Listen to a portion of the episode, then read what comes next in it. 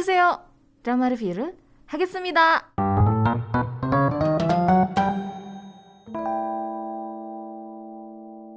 Oke, sekarang saatnya untuk aku ngebahas drama yang baru aja dirilis ya, yang berjudul Jirisan. Untuk soundtracknya ini dinyanyikan sama Kim Phil, judulnya Destiny. Suara Kim Phil nggak pernah gagal ya, bagus banget suaranya. Cuman karena ini liriknya itu bahasa Inggris, jadi nggak bisa di request di program Asiatic ya. Jadi kalau mau request di program hari Jumat aja ya uh, di program sebelum Asiatic bareng sama Steve requestnya jangan ke Grace ya. Karena kalau sama Grace nggak bisa diputerin. Jadi request lah di program request uh, lagu-lagu bahasa Inggris di hari Jumat dari jam 12 sampai jam 3. Jadi tepat sebelum program Asiatic ya. Oke, okay, drama Jirisan ini tuh didirect oleh Lee Eung Bok. Dia itu terkenal karena drama-drama sebelumnya yang pernah dia direct yang bagus-bagus. Ada apa aja sih dramanya? Pertama, Dream High. Dream High itu season 1 sama season 2 dia ngedirectnya ya.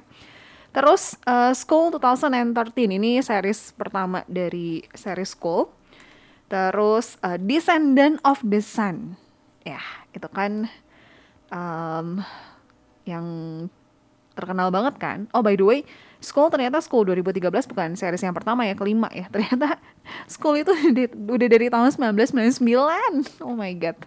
Sampai sekarang nanti yang 2021 uh, keluar ya. Terus balik lagi ke Young Bok ya. Uh, Descendant of the Sun, Goblin, Mr. Sunshine, Sweet Home, dan sekarang uh, Jirisan.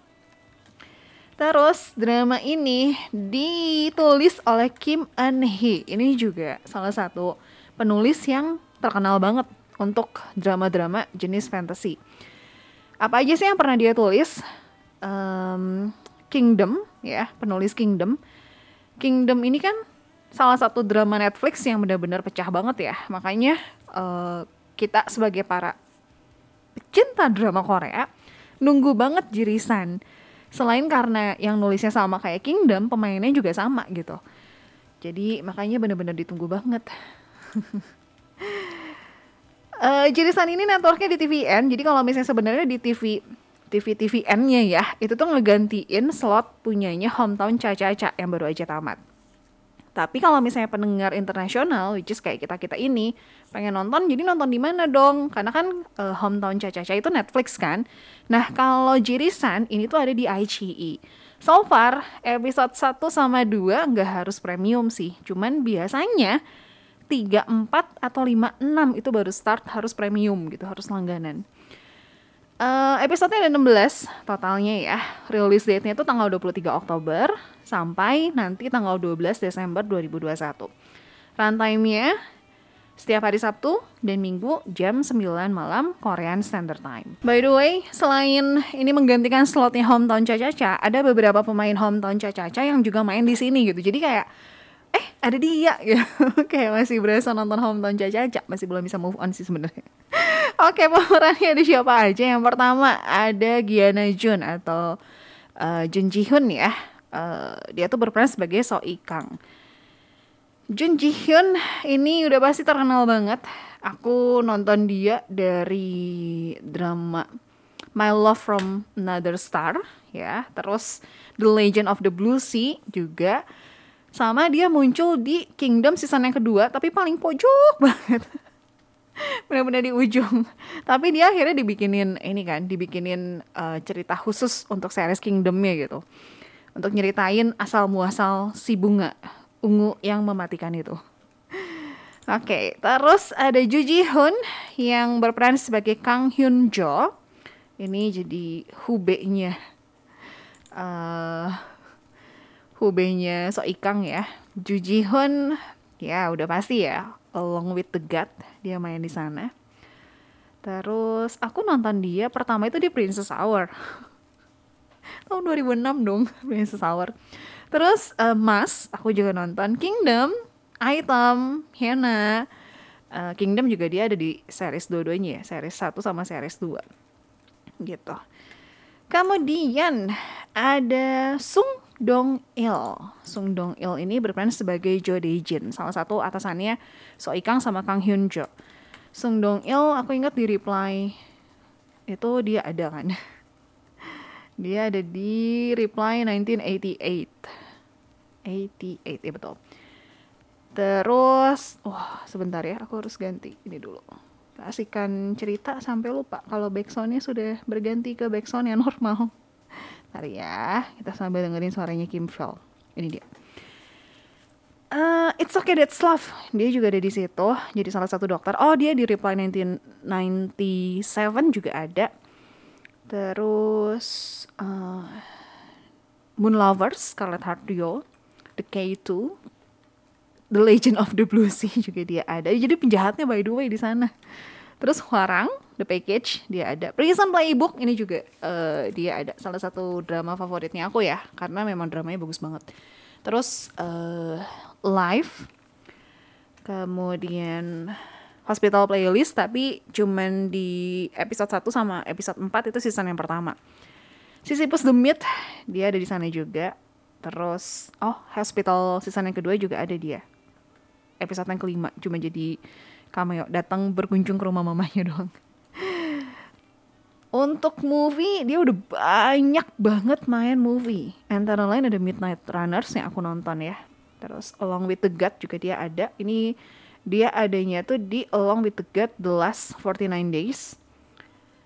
Uh, Miss and Mrs. Cops. Ini aku pengen banget nonton itu. Penasaran tapi belum nemu yang ini.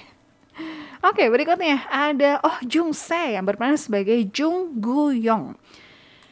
Oh Jung Se ini aku berkesan banget sama acting dia di It's Okay Not to Be Okay bagus banget dia jadi Moon Sangte terus dia ada di um, When the Camellia Blooms Touch Your Heart kemudian Beautiful Mind uh, Miseng Marry Him If You Dare uh, Taza dia juga ada terus I Miss You dan lain-lain banyak banget sih untuk movie juga dia banyak banget main movie ini ada The Call, terus Extreme Job.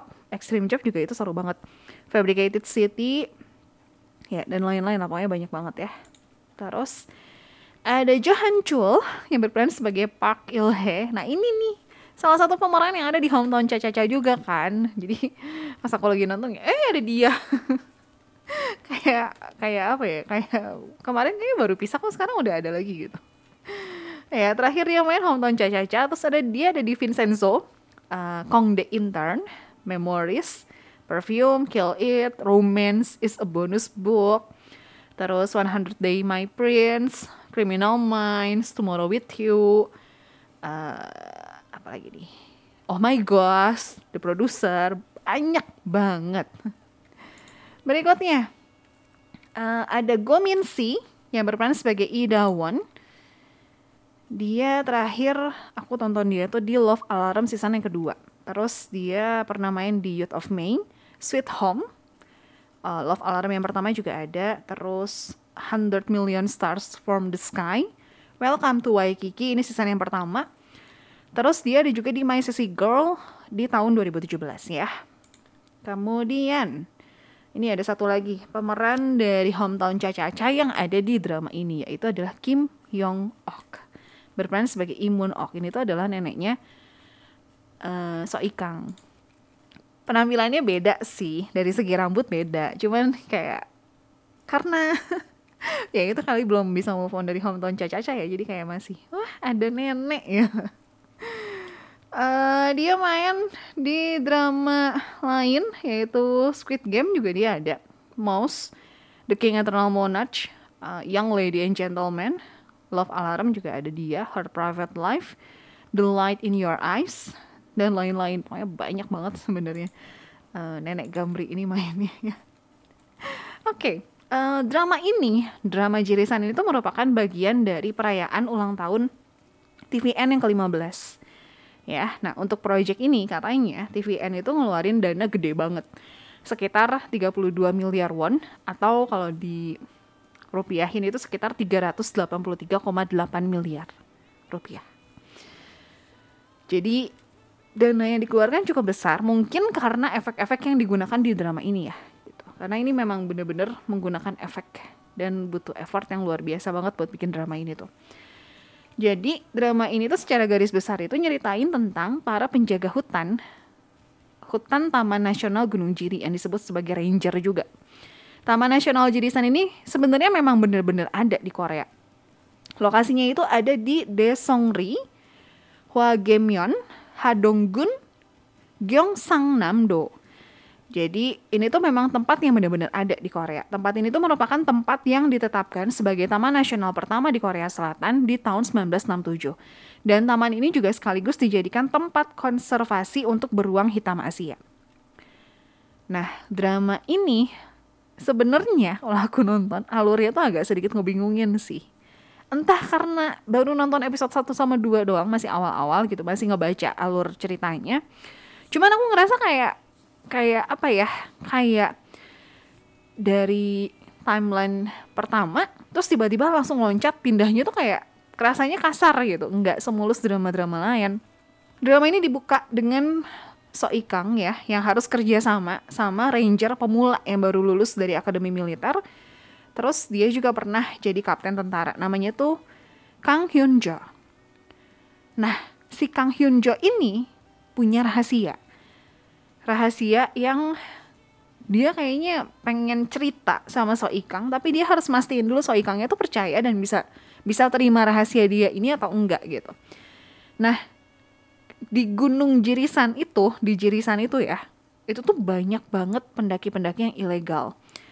Ilegal dalam artian gimana? Jadi kalau aku lihat mungkin ada hari-hari tertentu dan jam-jam tertentu gitu yang mereka boleh mendaki Terus ada tempat-tempat tertentu yang mereka nggak boleh datengin gitu, tempat-tempat terlarang lah. Jadi ada rute khususnya gitu loh. Nah, pendaki ilegal itu yang seperti apa? Yang mendaki gunung di luar jam pendakian sama memasuki daerah-daerah atau tempat-tempat yang sebenarnya dilarang. Jadi karena itu di gunung mungkin ada banyak tanaman-tanaman yang uh, langka gitu. Nah, aku notice ada satu tante-tante gitu, ajuma-ajuma yang ngambilin uh, tanaman langka gitu buat dijualin lagi. Nah, tugas si ranger ini salah satunya adalah nangkepin orang-orang yang seperti itu gitu yang melakukan hal-hal yang merugikan lah gitu. Sama satu lagi, kalau misalnya ada kecelakaan atau ada pendaki yang terluka, nah mereka ini harus bantu nyelamatin. Jadi si ranger ini tuh kayak punya jam patrolinya gitu. Jadi mereka giliran patroli keliling-keliling gunung itu gitu. Um, so Ikang ini tuh terbilang jago banget jago banget dan dia tuh ahli sekali. Dia kayak tahu banget lah dibilang paling tahu soal jirisan. Jadi biasanya kalau misalnya kejadian sesuatu pasti pada mengandalkan uh, so ikang gitu karena dia kayak udah hafal banget lah sama jirisan ini gitu. Dan di jirisan ini terjadilah beberapa pembunuhan ya. Ditemukan mayat-mayat mayatnya pun udah bentuknya tengkorak gitu So Ikang sama Kang Hyun Jo ini harus istilahnya kayak nyelidikin dan cari tahu soal kasus itu. Kurang lebih alurnya seperti itu ceritanya kayak gitu. Drama ini tuh kan jadi salah satu drama yang paling dinanti sama pecinta drakor ya. Seperti yang tadi aku bilang. Kenapa? Karena baik itu sutradara, penulis, dan para pemainnya itu sangat terkenal dengan karya-karya mereka gitu. Jadi kita sebagai penonton drakor tuh kayak udah berharap banyak. Ekspektasi kita tuh udah tinggi banget gitu. Apalagi uh, sebelum aku ingat banget sebelum Jirisan ini keluar beritanya kan uh, Jun Ji Hyun sama Ju Ji Hoon itu muncul di Kingdom yang kedua kan walaupun Jun Ji Hyun itu muncul di paling akhir kan. Tapi kayak kita tuh wah mereka bakalan main drama bareng lagi nih Jirisan pasti bakalan seru banget. Ekspektasi kita tuh udah tinggi banget. Dan Sebenarnya pada penayangan yang pertama, Jirisan ini sudah mencetak rekor baru untuk peringkat premier tertinggi dari setiap drama Korea yang tayang di akhir pekan.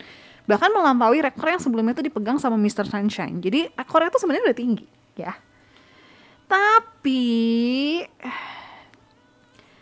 ternyata kualitas drama ini cukup mengecewakan dan kemarin-kemarin ini beberapa hari yang lalu aku baca beritanya memang banyak yang protes gitu.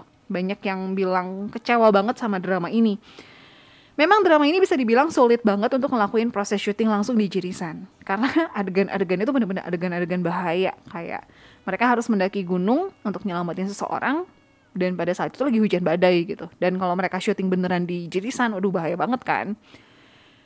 Jadi akhirnya mereka pakai efek CGI. Nah, problemnya adalah kita penonton juga tahu gitu ataupun uh, pembuat film lain juga tahu kalau misalnya syuting langsung kan nggak mungkin akhirnya pakai efek CGI tapi efek CGI-nya itulah yang dijadikan masalah. Karena efek CGI-nya tuh dinilai terlalu buruk dan terkesan amatir kalau dibandingin dengan drama-drama Korea, Korea lain yang sama-sama pakai efek CGI dan aku pribadi juga ngerasa gitu kayak pas nonton tuh nah kok gini ya?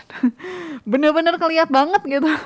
Si efeknya tuh kayak kok gini ya? Gitu. Aduh Drama ini juga sebenarnya kemarin ini sempat dapat kritikan dari sutradara Baek Jong Yeol. Ini tuh adalah sutradara yang menyutradarai film Beauty Inside. Uh, kalau misalnya sutradara Baek Jong Yeol ini lebih mengkritik ke masalah penyutradaraannya. Dia ngelihat kayak sebenarnya bisa diarahkan dengan lebih baik gitu. Ini kok aktor sama aktrisnya jadi kayak kelihatan uh, kikuk banget ya gitu. Tapi akhirnya postingan kritikan dia itu langsung dihapus dari Instagramnya karena ternyata jadi trending topik gitu. Akhirnya dihapus. Nah so far sebenarnya ada dua hal sih yang aku sayangkan. Satu adalah alur cerita yang bener-bener lompat-lompat banget. Kalau misalnya pendengar nonton episode yang pertama sama episode yang kedua mungkin agak bingung sama uh, masalah waktunya ya. Ini tuh yang sekarang sama flashback. Jadi ngebedainnya itu adalah si sok ikangnya di kursi roda atau enggak gitu. Dan itu kayak bikin bingung dan. Ah kok kayak kayak apa ya? Kayak kok gini sih? Gitu alur ceritanya kayak bikin pusing gitu. Terus satu lagi ya efek CGI-nya itu bener-bener aduh sayang banget ya. Nggak tahu ya mungkin baru episode 1 sama 2 kita lihat nanti di episode-episode berikutnya apakah ada perubahan menjadi lebih baik semoga ya. Atau seperti apa ya kita tunggu aja nanti ya. Kalau yang mau nonton silakan. Tersedia di IG.